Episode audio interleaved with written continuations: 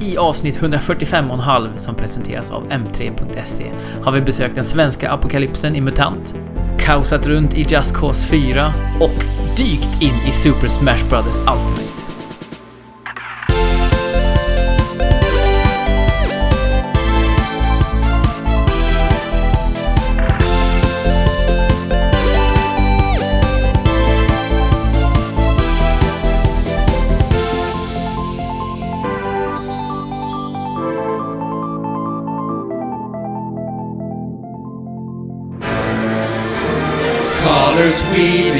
Spire of flame. Distant sparks call to a past still unnamed. Bear this torch against the cold of the night. Search your soul and reawaken the undying light.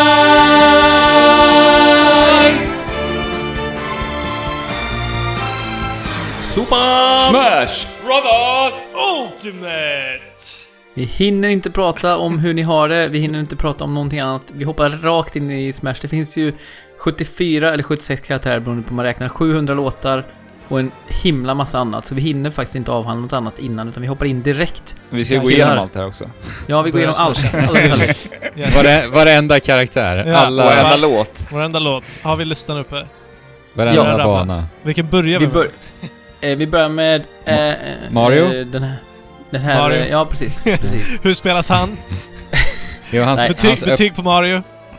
Fyra av fem. han kastar eldbollar med B. Ja, just just det. så har han sin kappa och allt så. Ja, men fyra av fem, jag håller med. Eh, Mm. Vem är andra karaktären? Det är... Donkey Kong Åh. typ. Är det Eller- Donkey Kong?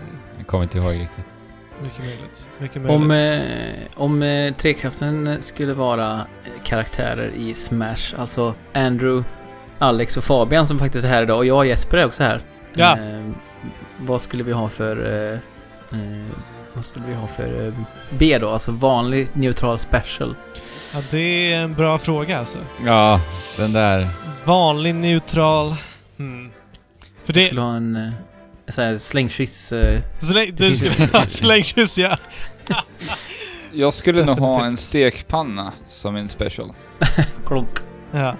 Jag skulle ha en eh, gitarr som eh, skjuter ut el, tror jag. Just det.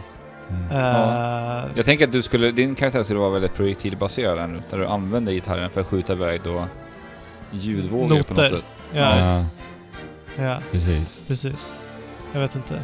Alltså, jag, jag har precis börjat så här eftersom att jag läser eh, på universitetet och eh, väldigt mycket matte så har jag börjat in, identifiera mig som liksom lite fysiker. Mm. Mm. Jag vet inte. Kanske, kanske har någon mattebok av något slag. jag vet inte. Det är lite som min main just nu då, Robin, som har Ja. sin magibok uppe hela tiden och läser. Precis. Eh, Ja, som ni märker, som ni märker så är det ett eh, rätt speciellt avsnitt av, av Trekraften. Det är alltså ett eh, bonusavsnitt med de spelen vi inte hann prata om i det vanliga avsnittet. Ja. Och eh, sen är det dags för Goti också. Men först får ni den här lilla, kanske munsbiten då med eh, de spelen vi eh, har spelat till denna veckan. Och då är ju Smash den som tornar Ja. upp sig som ett stort... Eh, olycksbådande, men det är det väl kanske inte. Men ett stort festligt slott ovanför allt annat. Ja, Eh, Mm. precis som, precis som i intro-segmentet utav Smash Bros. Ja, precis. Vi är, vi är som de här stora vita händerna som kommer Ja. och sänker sig ner över eh, spel... podd-Sverige. Och pekar på lyssnarna. Visst. Peta på dem.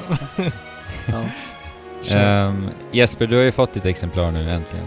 Äntligen! Jag fick besöka er på skolan och fick eh, Smash och Astrobot och t-shirtar och gosedjur och jag vet inte allt vad jag fick. ja. Det var Tidig ju julklapp till tid- dig.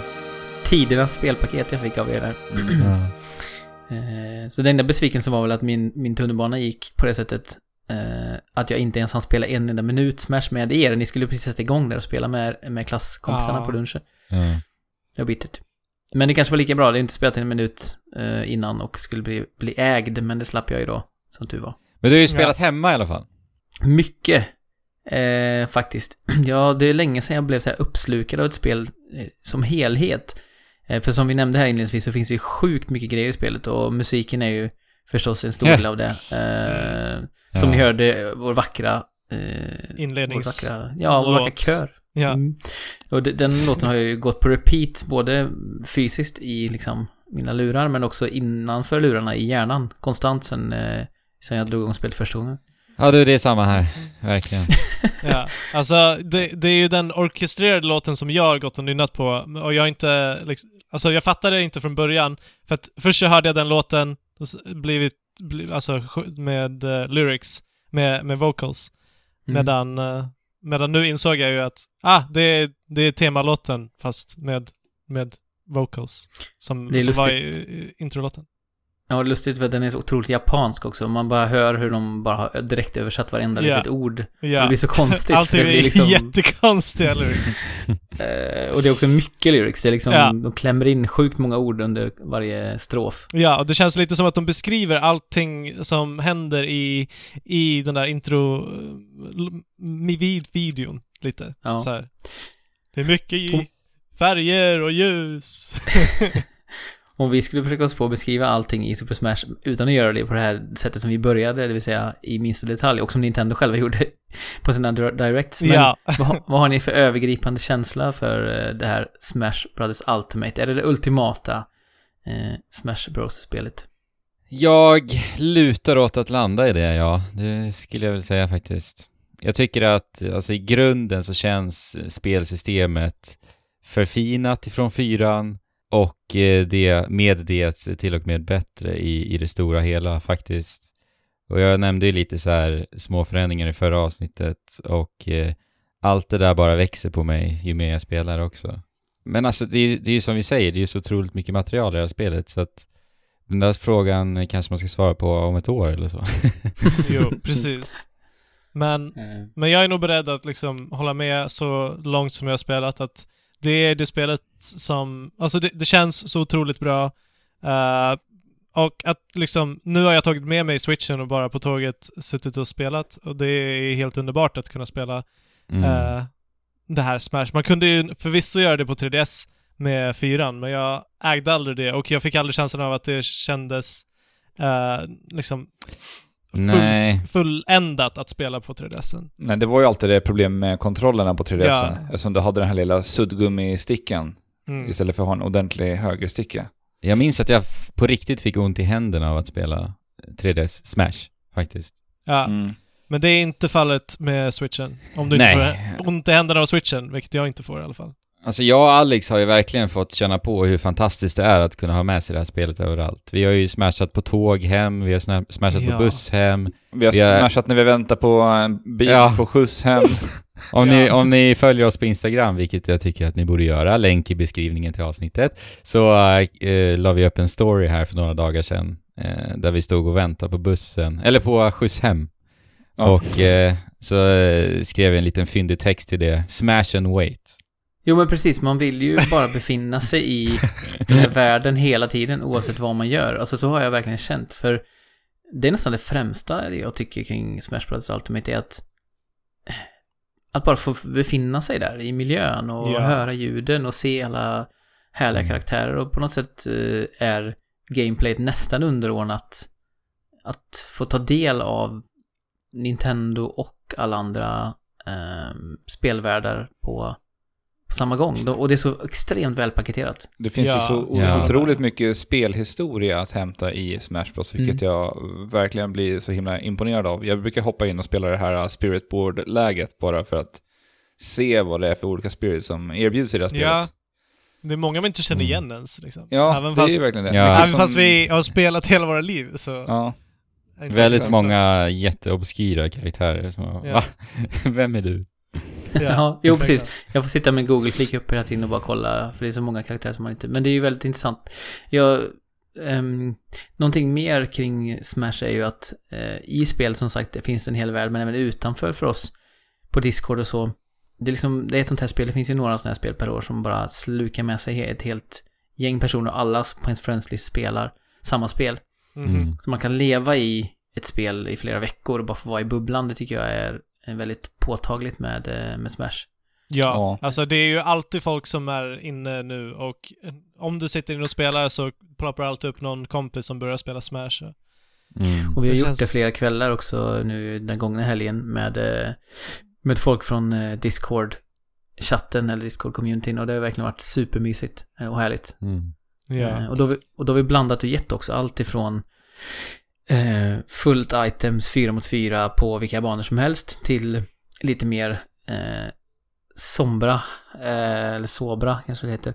Eh, sombra är en karaktär i Overwatch. Ja. Eh, Vad- betyder det? Vad vill du säga Jesper? Ja, jag, jag tänker lite mer nedtonat med, eh, i och för sig fortfarande 4 mot 4 men utan items och mestadels lite mer sansade banor. Bara Battlefield-banor då eller?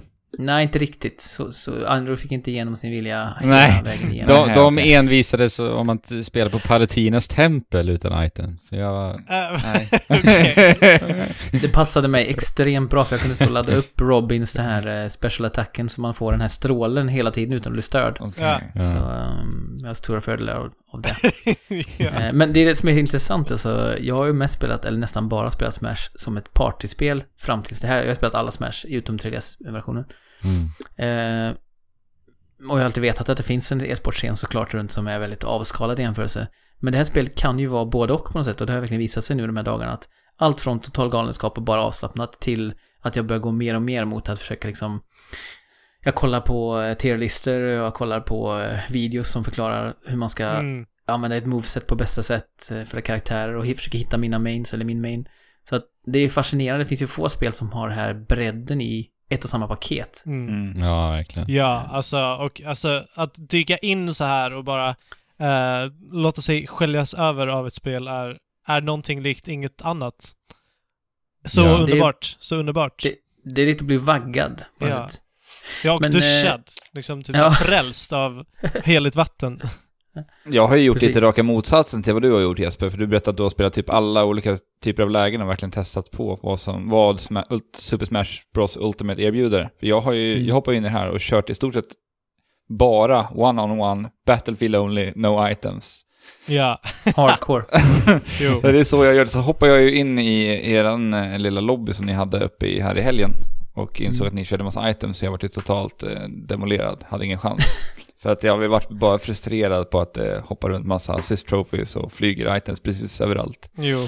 Så att jag, Alltså- jag har ju svårt att hitta min lilla Isabelle.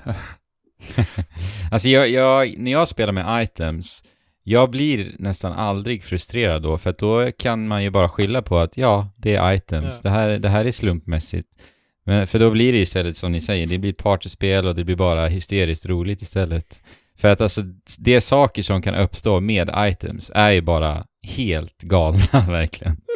Ja. Och det är ju jättekul i... ja, och kaotiskt. Om, Ja. i, i, dess, I dess sanna betydelse. Ja, jag, jag gillar verkligen den här nya svampen. Som eh, man kan skjuta ut någon form av gift med. Ja, vad gör Och- den exakt? Ja, när, när du skjuter ut giftet på en motståndare så växer en svamp på motståndarens huvud. En Ja. liten, liten svamp. Och till slut när den har växt färdigt så flippas dina kontroller. Så att när, Ah, du, när du går till Alright. höger så... Ja. Det finns vissa fiender i Monster Boy som har samma egenskaper. Det, det blir riktigt så här... eh, Ja, man blir helt snurrig i huvudet när man ska försöka ställa om. ja. ja. Men vilken karak- vilka karaktärer har ni, eller vilken karaktär har ni liksom fastnat för mest? Alltså jag, jag står ju kvar lite vid mina gamla favoriter. Och det är ju Ness, Villager och Yoshi. Men sen har jag ju Mm. hittat till eh, min kära Isabelle från Animal Crossing. Som jag... Du kör med, du kör med guldkaraktärerna verkligen. Ja, men jag gillar ju de här små gulliga och lite knasiga karaktärerna som man bara kan springa runt och vara jobbig med.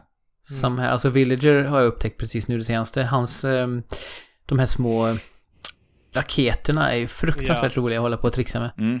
Mm. Både att åka på den själv och att skicka iväg den som en projek- projektilattack. Och att plantera ett träd Plantera mitt i... träd, det är så bra. det är så bra. Ja, det, det är och verkligen... hugga ner det. Mm. Och, ja. Det är så gött när man lyckas få, få till det där att stammen faller på, på en motståndare. För det gör ju Ja. otroligt mycket skada eftersom att det är inte så lätt att liksom Timing. göra det utan att folk är medvetna om det. Men nu, Fabian, du då? Håller du kvar vid din eh, trogna tjänare Pikachu än idag eller? Ja, jag, kör, jag har nog mest kört med Pikachu, men jag håller fortfarande på att så här, eh, testa mig runt. Uh, alltså jag kör med Pikachu och Peach mest. som, som Mm. gamla goda tiden. Jag antar väl att eh, Ja. alla ni skulle kunna, utan att ni visste så skulle ni kunna gissa vem jag spelar mest. Ja, det är ju Inkling. Ja, Inkling. Ja, Mm. såklart. Såklart. Men eh, jag har faktiskt provat väldigt många nya som jag aldrig har spelat King förut. K. Rule har du drygat dig med en del också. Ja, jag har spelat mycket doubles online i King K. Rool. Jag spelar ju med min partner eh, här hemma. Så då kör jag mycket King K. Rool. Han är jätterolig att spela när man spelar doubles. Eh, sen har jag spelat eh, Simon Belmont. De är också väldigt roliga. Snake har jag spelat en del. Så jag har provat väldigt många nya. Jag tycker det är så jäkla kul att bara utforska alla karaktärer. För att många karaktärer har ju också förändrats. Eh, om än väldigt eh, subtilt. Men det är ändå kul Mm. att, att se liksom de små, små förändringarna. Jag gillar exempelvis Link, att han Mm. har den här eh, remote-bomben ifrån Breath of the Wild. Det gör att han blir som en helt ny karaktär egentligen. Ja, Mm. alltså ni har sett, ni har sett hur han eh, kan användas för att launcha en tillbaka på Ja, planen. Det, är, så, snyggt! Ja, det är så det är så- snyggt! Ja, helt galet. Så att alltså karaktärsgalleriet är ju verkligen helt eh, makalöst alltså. Mm.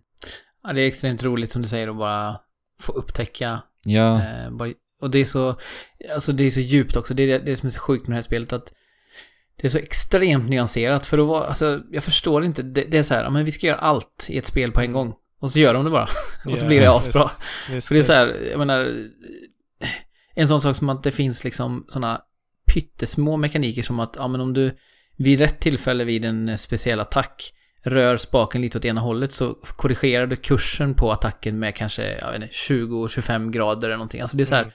det är så otroligt eh, liksom detaljerat och, Finputsat. Ja, och som man verkligen då kan det finns ett sånt otroligt högt tak för skill, Mm. vilket ju är en av e-sport-parametrarna också. Eh, för jag menar, ja, jag har ju spelat spelet nu i himla massa timmar här de här dagarna och jag känner ju bara att de karaktärerna jag spelat mest med är fortfarande bara på en väldigt basic nivå av förståelse för hur man ska använda deras mm. eh, skills i någon Mm. slags kombination med varandra. Ja, och det är ju så sjukt lätt att också bara komma in i och ha kul. Ja, exakt. Det är både och. Ja. Det är det som är... det är eh, det som är ett recept på ett bra multiplayer-spel va? ja, Rocket League är samma sak. Precis. Mm. Ja men det, ja, det känns ju så jäkla bra det här spelet. Alltså, jag gillar verkligen den här nya ljudeffekterna som de har lagt till. Eh, jag vet inte, det är kanske inte ni har tänkt på särskilt mycket så, men det finns väldigt många nya härliga ljudeffekter som inte var med i Till exempel. spel. Eh, alltså jag vet egentligen inte när de initieras, de här nya varianterna. Men, eh, ja, jag, jag kan ju inte förklara här vilka, vilka det är.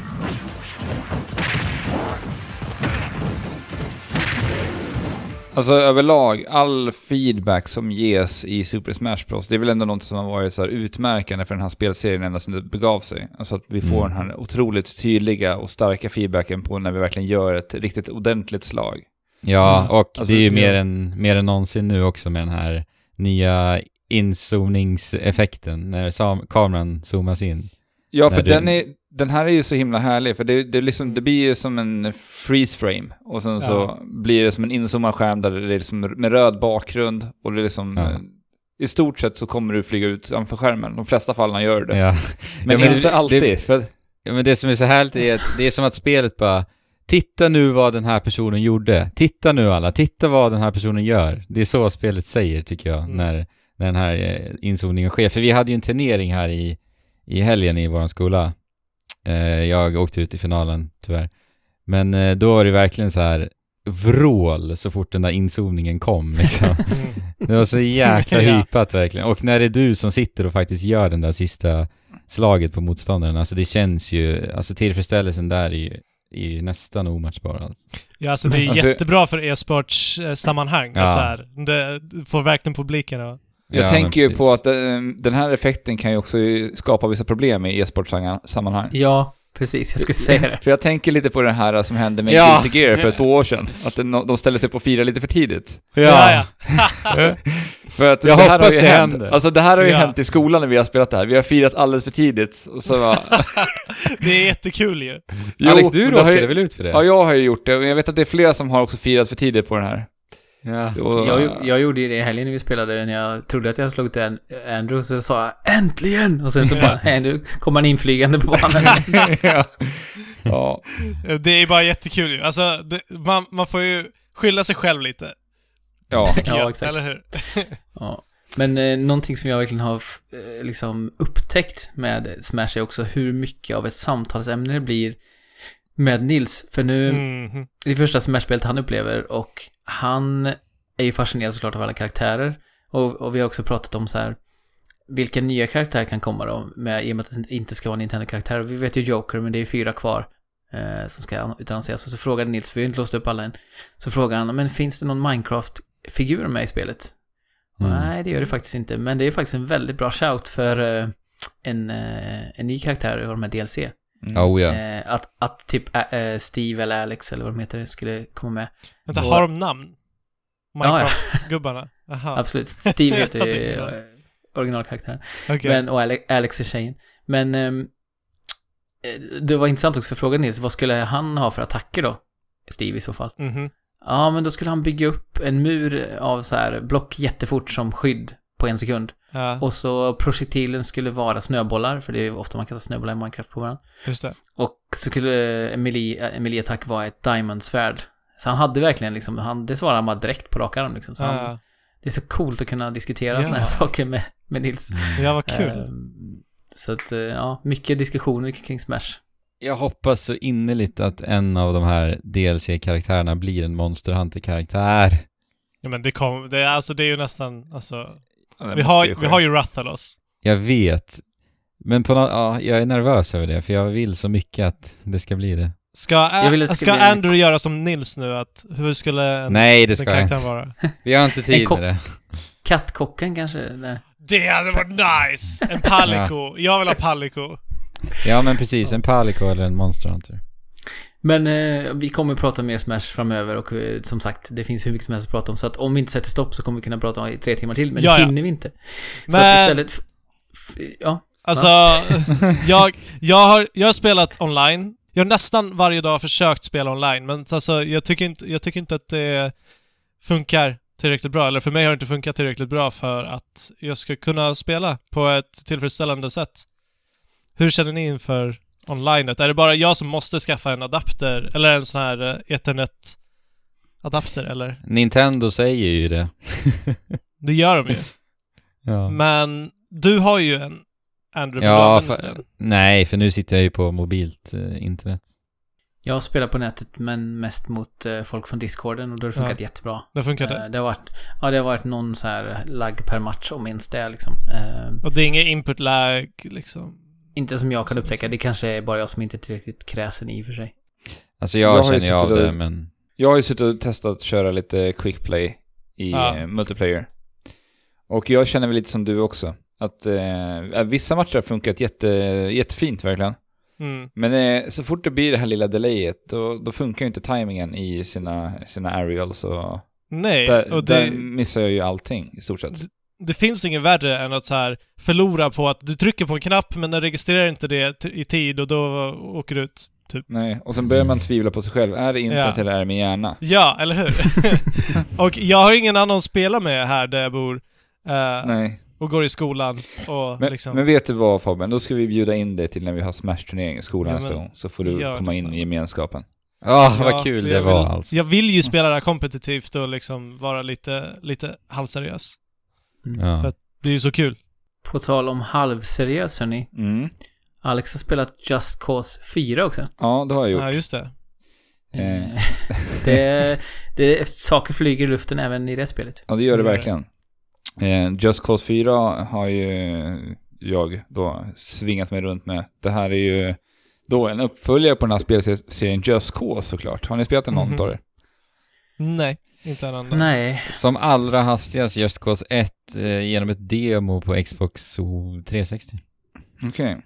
Eh, Gedigen bakgrund. jag Ja. eh, spelade väl, jag spelade tvåan lite grann och det kastade jag mig in i för att jag hörde rykten om att det fanns en multiplayer, en multiplayer-mod till det här spelet. Just det. Men det var som sagt en mod av eh, spelare. Ja, exakt. Mm. Så det, det var väl det jag hade spelat i Just Cause-väg innan. Sen så eh, pratade vi, vi pratade Spider-Man i våran eh, chatt. Vi pratade enterhakar och hur kul Mhm. det är med enterhakar i spel. Så det var det som fick mitt intresse, väckte mitt intresse för att faktiskt testa Just Cause 4. se vad man kan göra. Som den här Rico Rodriguez tror jag han heter. Mm. Störta ännu en diktator är det man ska göra. Exakt. Det, det är det det handlar om. En riktigt, riktigt hjärndöd story. Och du driver den här antiterroristorganisationen Chaos Army, eller vad de kallar sig.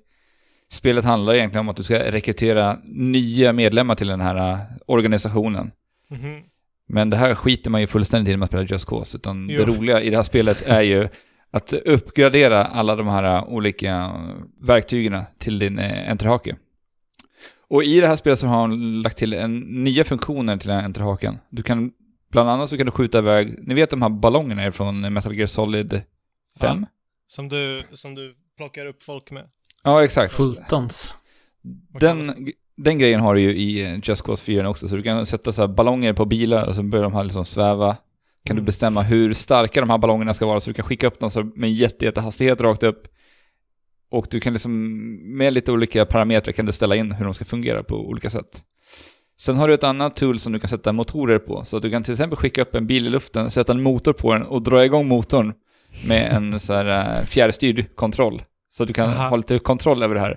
Det här är ju superroligt, för jag så här, hopp, man sätter en ballong på en bil, hakar fast dig på bilen, sätter på en motor där och sen bara trycker du igång motorn och så kan du ta, använda den här ballongen som ett färdmedel. Herregud. ja. Alltså det här det- låter ju väldigt mycket mer sandlådigt än vad jag trodde. Ja, alltså det, det är det här jag har gjort hela tiden. Jag bara Ja. flyger runt och leker. Jag använder ju typ inga fordon alls, för det behöver man inte när man är den här actionhjälten. Det låter jättekul ju. Ja. Men, men Alex, låser du upp nya verktyg Ja. och nya förmågor? Eller har du allt från start liksom? Alltså man låser upp de här tre väldigt tidigt i spelet. Ja. Och sen kan du uppgradera dem och då, då låser du också upp de här parametrarna där du kan Ah, justera okej. hur de här fungerar lite bättre. Okej. Så att du kan till exempel eh, med den här standard enterhaken som du kan haka mellan två platser.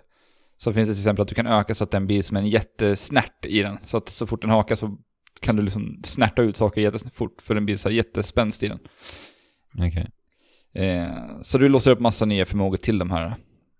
Och det gör du genom att spela olika uppdrag ute i den här världskartan. Så det finns eh, tre stycken som representerar då de här tre olika föremålen. Och det är då olika karaktärer som har placerat ut de här uppdragen i världen.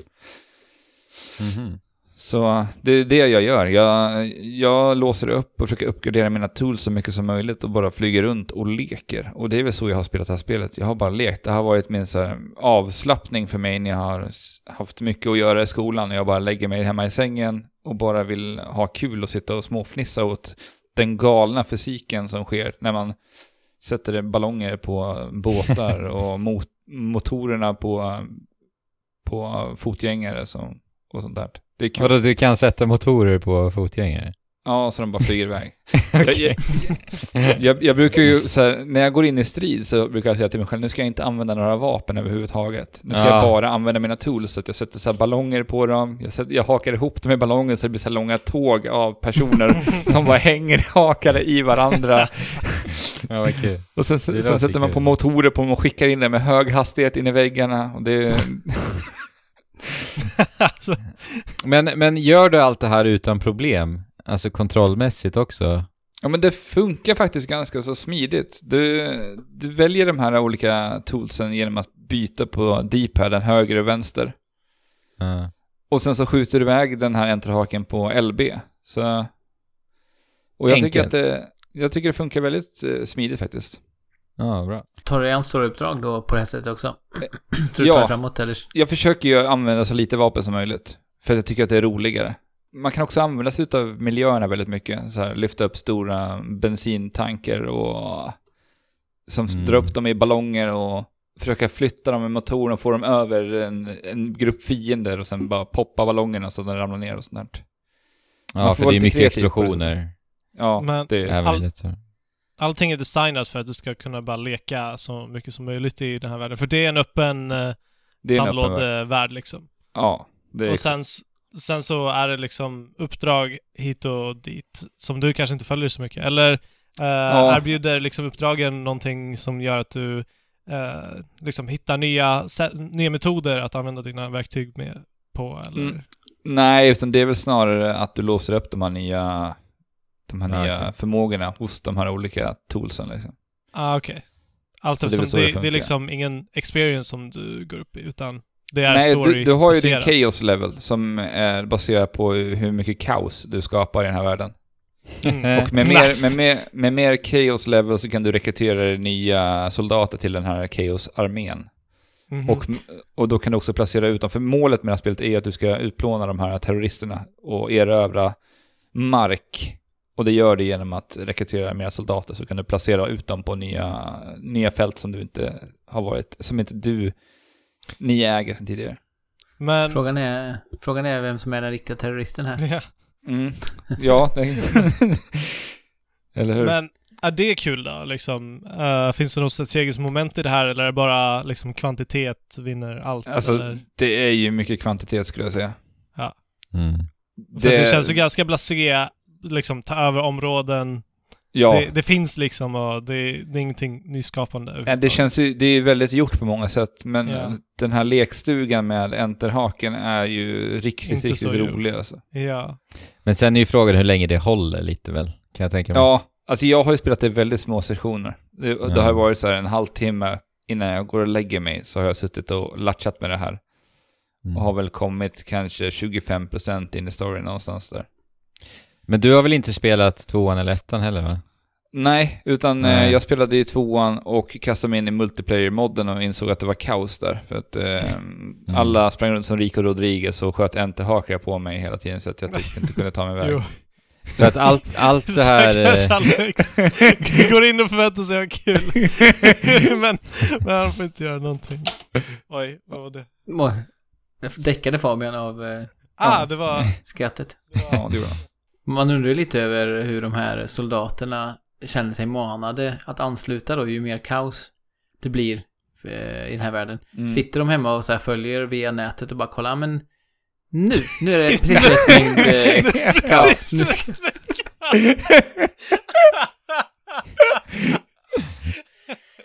Det är något, typ Twitter. Det är så här, Exakt. Uppdateras hela tiden. Nej. Det är inte kaotiskt nog. Det är inte kaos Det går- nog. Det är inte, det är inte kaotiskt nog för mig. Jag behöver mer. Mer kaos. ja. ja. Det här vart ju helt knasigt för mig för att mitt internet eh, vill inte med sig just precis nu. Och sen så, sen så sparkar det igång igen av att jag hör att alla skrattar. Okej. Fattar du vad det handlar om? Nej, jag förstår ingenting. Är det där? Okej. Men jag Ja. skrattar i alla fall, för det är ju det är kul att Ja. skratta. Det är li lite som det här avsnittet eh, blir det bättre ju mer kaos. Jo. I Just Cause 4. Precis. Eh.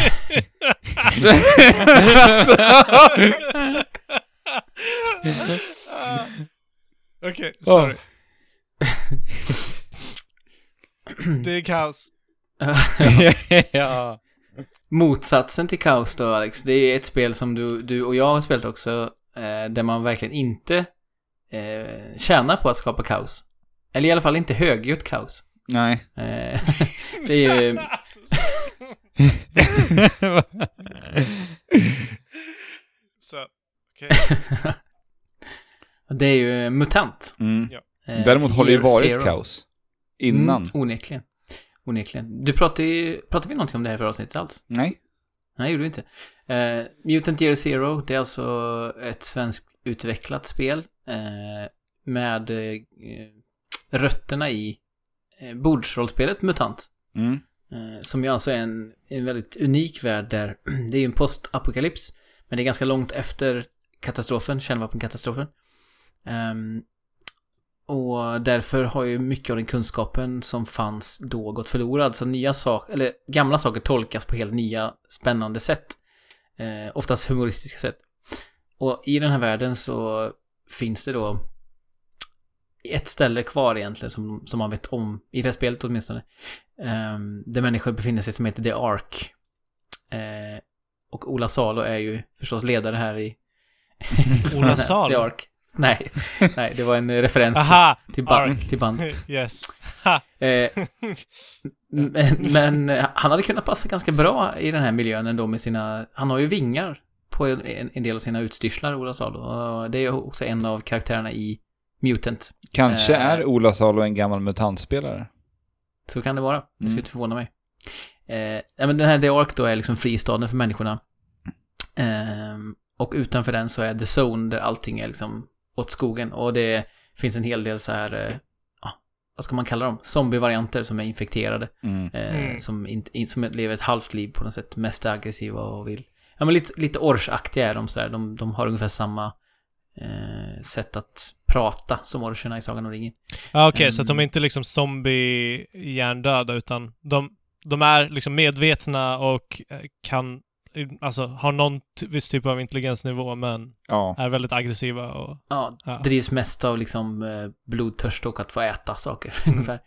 Eh, och i den här världen så finns det också då mutanter, det vill säga personer som eh, ja, på olika sätt har drabbats av strålningen och förändrats. Så de två karaktärerna vi stiftar bekantskap med först är ju eh, en anka och en gris. Mm.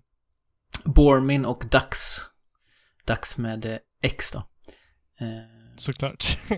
alltså det, Okej. det här är typ det enda jag har sett av det, eh, det här spelet och det ser ju fantastiskt ut. Fantastiskt ut. Eh, Ja. Med den här designen. Jag Mm. älskar verkligen att de går bananas med humanoider. För att de brukar, humanoider brukar alltid vara jättetråkiga, men här kör de verkligen på en intressant design. Så Ja, det precis. Det är första som slår en Alex när man börjar spela det här spelet. Hur stämningen och miljöerna ser ut. ja, Mm. Verkligen. Och uh, MUTANT-universumet utspelar sig också i ett uh, postapokalyptiskt Sverige, vilket blir lite extra speciellt för oss också. Mm. För vi ser, ju, vi ser ju ganska så tidigt så här vägskyltar. Jag vet att du Jesper nämnde att, typ, att du hade sett skylten till Trollhättan ganska tidigt i- inledningsvis i det här spelet. Nice. Ja, och det ligger ju nära mig. Alltså hela, i och med att det är Västsverige, det är ju runt Göteborg alltihopa. Mm. Eh, de säger ju bland annat att det, blir, det är snö på ett ställe. Eh, så säger de så här, så här långt norrut har jag aldrig varit. Det, är- det är, vad kallt det är. Och så är de i Angered.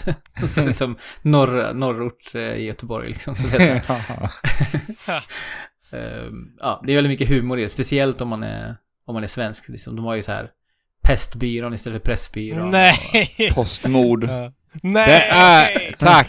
Vad bra! Tack. Vad bra! Det där var den viktigaste svenska Ja. referensen. Postmord. Ja. Andrews eh, vendetta med Postnord är ju real, får man säga. Ja. Vi, vi brukar ju Ja. säga postmord till, alltså oss sinsemellan. Ah, okej. För att, ja. Men, eh, ja, precis, det är mycket humor, men alltså sen är det ju väldigt mörkt också på många sätt. Det är ju verkligen det här dystra stämningen som dominerar eh, igenom spelet. Mm, det är det verkligen. Gött. Och striden, striderna går ju i samma anda, det vill säga att det finns mycket allvar och tyngd i dem. Det är mycket mer så än i, de, än i faktiskt många andra taktiska spel också, för det är ju ett, eh, ett spel där man eh, först får röra sig fritt eh, runt omkring i världen. Eh, du kan positionera dig på olika sätt gentemot de fienderna som du smyger dig på. Mm. Innan de upptäcker dig så kan du liksom splitta upp på dina tre stycken som du har med dig i partyt. Ställa dem på strategiska platser, till exempel högt upp i en typ eh, lekställning eller någonting sånt. Eller bakom ett träd eller så. Och sen när man väljer att trycka på ambush så börjar själva striden och då är det ett Ah, rutnät. ja. Eh, och då har man två handlingar att göra. I grunden då, så kan man antingen röra på sig, skjuta, ladda om, ta medpacks eller vad det kan tänkas vara. Eh, Mm. Men det är ju väldigt, alla, varenda liten handling du utför är ju liksom avgörande för hur striden kommer gå. Du kan ju inte slarva nästan någonting. Nej. Eh, Det känns utmanande också. Så. Det, det, ja. det vart jag faktiskt väldigt förvånad över när jag kastade mig in i det här spelet och de första striderna var väldigt utmanande. Och problemet för mig var ju att jag spelade det som om att det vore ett XCOM. Mhm. Jag hade inte den här planeringen innan jag gick in i striden, utan jag gick in och körde ambush direkt istället för att placera mig ut på en, en välutvald position. Till exempel Ah, okej. bakom ett träd eller bakom en sten och liksom splitta upp mitt team. Så gick jag in och bara körde ambush direkt och det vart en tuff strid, tuff strid för mig. Ja, men alltså Och det- hur, hur, vad är de största skillnaderna mellan liksom XCOM? Jag skulle nog säga att det är den här förberedelsen i mångt och mycket. Okej? Eller- Att eh, du måste tänka innan du går in i strid. Ja. Du kan också plocka bort eh, fiender om... Det är nästan alltid designat så att vissa fiender patrullerar. Och om du rör dig i de yttre områdena där de patrullerar så kan du liksom plocka av dem mm, så att du begränsar du liksom gör att oddsen för den stora striden blir lite bättre för din egen del. Mm, Eh, men då måste du också använda silence-vapen för att om du använder vapen som hörs så hör ju de andra fienderna och kommer de Mm. rusa dit. Så att du måste använda de vapen som du har som har silencers på sig.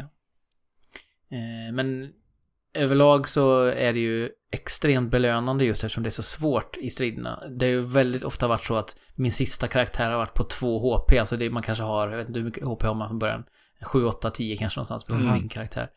Eh, att min sista karaktär har liksom 2 HP kvar och brinner av en molotov och då går man ju ner en HP för varje runda. Mm. Och så får jag liksom ner den sista fienden precis med någon critical hit eller någonting. Det är väldigt, det är nästan som att det var regisserat vissa gånger, fast det är det ju inte. Det är ju liksom såklart... bara- öpp- det, det har bara råkat bli så. Gamla goda randomizer. Ja. Eh, men som sagt, med, med det sagt med random så är det ju väldigt... Det känns ju sällan som att man dör för att man har otur, utan man dör nästan alltid för att man har... I så fall när man har otur för att... Ja. När, man har, när man har tänkt liksom. att man har tänkt fel. Ja, precis. Mm. jo, det var fint. F- Fint. Fint Ja, jag, Men, eh, jag fastnade faktiskt just på en sån här strid eh, som jag fick köra om, ett, jag tror det var fem gånger i alla fall. Där jag fick hela tiden Var testa nya positioner. Var det vid den här båten eller? Eh, tunnel? nej, den här- Den stugan som är ganska tidigt. Du ska, du har gått till den störtade roboten. Ja, just det. Mm. Så är det en stuga som tar mig till och då uh, sitter, vad heter de här uh, figurerna som uh, lockar till sig en massa andra fiender? Den här... Ja, eh, någon shaman typ eller? Ja, exakt. Någon shaman. Och den var ju superviktig att ta ner väldigt tidigt för att om den här shamanen upptäcker mig i första rundan så kallar den in till fyra stycken till soldater som kommer till det här fältet och då var jag ju totalt körd. Och en väldigt jobbig grej också. Det börjar komma så här medbots, några fighter in. Och de eh, kan återuppväcka eh, fienderna. Mm. Och liksom varje kill man får i spelet är ju liksom så här, åh vad skönt, en mindre, äntligen liksom. Mm. Och sen kommer den här botten bara, och så på en turn så har den liksom återuppväckt eh, den karaktären som dog. Så man Ah. måste verkligen sikta på, det är ju samma sak med shamaner, man måste liksom plocka ut dem först Mm. helst. Annars blir det mycket svårare. Och den botten har alltid så sjukt mycket sköld också, så det tar liksom enormt mycket kraft att bara fokusera ner den. Så att halva, halva livet på ens karaktärer har jag gått, ofta gått åt att få ner den himla med botten innan man börjar med som det riktiga fienden. Ah, okej. Så att det, det måste man liksom lära sig. Men sen så är det inte permadeath eller någonting. Du, vad, eller vad, vad får du för eh, bestraffningar av att någon karaktär dör? Eh, ingenting egentligen. Ingenting. Eller, nej. Alltså, det, du kan ju köra med permadeath om du vill, men det är ju inte default såklart. Utan, eh, Nej, jag, Nej, man jag spelade på normal. Det gör väl du också Samma. Jesper? Men vad gör du utöver striderna i det här spelet då? Eh, då, du utforskar den här eh, zonen och letar scrap-material, du letar föremål som du kan applicera på dina vapen, såsom eh, scopes, bland annat. Mm, Och- uppgraderingar liksom. Ja. ja. och, och allting syns ju, det är det som är så himla snyggt. Mm. Eh, alla, alla grejer du uppgraderar en karaktär med kommer synas på din karaktär och det är ju underbart. Och speciellt i en sån här värld där det är så här så mycket snygga slitna prylar som har liksom fogats ihop till nya prylar. Och det är så kul också, för som jag nämnde inledningsvis så tolkar de de här sakerna väldigt olika. Till exempel en, en eh, det finns en armor som är eh, extra bra mot criticals, man får inga criticals på sig. Mhm. Och det är liksom en gammal hockey, ni vet så här, eh, bröst och axelskydd. Ah, Eh, och då, då så här får man se beskrivningen för det är så här histori- historiker då i den här världen som har skrivit om dem. Och då beskriver de det som så här, de här bargladiatorer eh, förr i tiden eh, när de, när de liksom eh, utförde brutala eh, kamper på, på en så här, i en cirkel med stora klubbor liksom. ja, ja, ja. Eh, Nästan rätt liksom. Ja, precis. Så nära liksom. Ja. Och samma sak med, med brandförsvarets dräkt. Det står ju på svenska på den också. Eh, Ja. då, får man, då står det ju så här, men den här använde livsfarliga pyromaner förr i tiden för att förlänga sin liksom, förmåga att vara nära eld, typ. Ah, vad nice. Alltså det där... Ah, det är så mycket med det här spelet som tilltalar mig. Som, Alltså som det, det är ju kittlar också, den exakt rätta nerven. jag gillar ju också den här armor, att den är så himla, det är så himla standard armor man använder. Som, som du säger med de här Ja. hockeyrustningarna. Och jag, jag fick en sån här, bara en liten keps. Som, som Aha. en hjälm liksom. Så jag har en En anka keps med en keps. Det var... Vad hjälper den då? Det, det var inte mycket, men jag hade inget bättre på mig just då. Så Ja. jag bara Jag satt... tror, jag, Jag tror den ger typ så här 20% bättre eh, crit chance eller någonting sånt där på distansskott. Ja, det är något. sånt där. Men, Ja, hur, men hur är uppdragsupplägget då? Alltså är det en, en berättelse som bara fortlöper eller är det uppdrag Ja. indelat? Eller? Ja, men det är, du får i uppdrag av Elder då i den här, ja, The Ar- eller Ark då, att eh, första uppdraget är att leta reda på en, eh, egentligen huvudmekanikern på stället som han får allt att funka liksom. Han har dragit ut någonstans och, och försvunnit och du ska leta upp honom. Och sen så är det linjärt så här, du ska bege dig hit och hit och hit. Så finns det vissa val du kan göra att går du vänster istället för höger så kommer du till en liten avstickare och kanske får lite extra loot. Men det är ganska om, alltså det ger en känsla av en stor värld. Men börjar man utforska så är det väldigt begränsat vart man kan gå egentligen. Mm. Eh, I den här skogen så står väldigt täta träd så kan man inte komma förbi det till exempel. Ehm, så du rör dig egentligen från plats till plats i en linjär, eh, ja på ett linjärt sätt. Men Mm. får väldigt mycket story via omgivningar och karaktärer som du möter på. Så att eh, det är ju väldigt, vad ska man säga, nätt paketerat också. Det är ingen Mm. öppen värld där du kan liksom eh, förlora dig eller liksom massa meningslösa grindstrider utan varenda strid räknas. Och det är Mm. det som är så härligt med det här spelet. Det är inte speciellt långt, jag har inte klarat av det, men det sägs vara kanske 12-13 timmar långt. någonting sånt. Aha. Så det är, det är liksom en koncentrerad upplevelse. Eh, Precis som striderna känns som att varenda rörelse räknas, så känns det som att de har liksom lagt in varenda del i spelet eh, med ett syfte, inte som utfyllnad. Ja, Mm. det, Eh, det låter ju... Alltså det är ju så att spel bör, bör vara designade alltid. Precis. Så som jag tycker också Brothers till exempel var designat. Ja. Att mekaniken återan- återanvändes inte utan man, man eh, gjorde en sak så gick man vidare. Eh, mekanikmässigt så är det ju inte riktigt så här, men jag tänker just alla detaljer känns som att de är där för att de ska vara där. Ja, inte de är för att- relevanta. Mm. Eh, precis. Mm. Så att jag är väldigt, eh, jag tycker att det här är ett kanonspel så här långt, eh, måste jag säga. Ja, jag, jag tycker också att det här var ett riktigt, riktigt roligt. Och att det, det känns så, det känns så fräscht med det här, uh, det här estetiken. Och att Ja. det funkar så bra i, i den här uh, inramningen som ett strategiskt spel också, det här taktiska. Tycker det funkar perfekt alltså. Ja, men Så då, ta- då Ja. Jesper, det du skulle säga nu var, alltså ta och skriv upp det här i backloggen och spela det när ni har tid. Exakt så. Eh, ta Ja. några sena eh, vinterkvällar, titta ut genom fönstret på snön och eh, liksom eh, mys in i den här post-apo-världen. Det är verkligen ett, ett bra vinterspel att gosa in sig med. Men Jag Jesper, jag måste bara nu. fråga dig, har du spelat MUTANT-rollspelet någon gång tidigare? Eller är det här första gången du bekantar dig med MUTANT? Ja, jag har spelat det lite grann. Mest skapat karaktärer. Eh, Mm. Inte så mycket annat. Jaha, du skrev upp det i sin backlog. Eh, Så att det är egentligen första gången jag dyker in i världen på riktigt. Eh, Och man blir ju sugen på att spela spelet när man spelar spelet. Ja, faktiskt. Eh, Jag har ju, jag har ju bara sett bilder, så här konceptbilder från MUTANT och har ju verkligen vrålgillat universumet bara av att titta på bilder. Så Mm. Innan jag kastar mig in i spelet. Kasta er in, hörni, ni som lyssnar. Eh, får ni jättegärna göra i vår Discord. Ni får gärna kontakta oss på alla sätt ni kan. Eh, och eh, allt det hittar ni ju också i eh, beskrivningen till avsnittet. Så ni behöver inte leta speciellt långt. Nej. Yes. Eh, och det här är ju faktiskt då det näst sista avsnittet den här terminen, höll jag på att säga. Den här säsongen av Nu kör vi terminer. Ja, ni kommer ju få... Det är så mycket skola nu för alla. Så. Ja. Eh, så, och, men ni kommer få ett såklart ett Gotia-avsnitt också innan det här året är över. Men det här blir det sista halvordinarie, eller vad vi ska kalla det, avsnittet av Trekraften i alla fall. Mm. Ja, Den här halvordinarie, det är ett bra ord.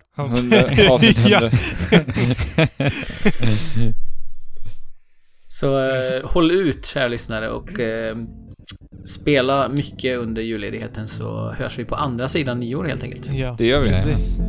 Så spela på och chip Shula. Hoppity.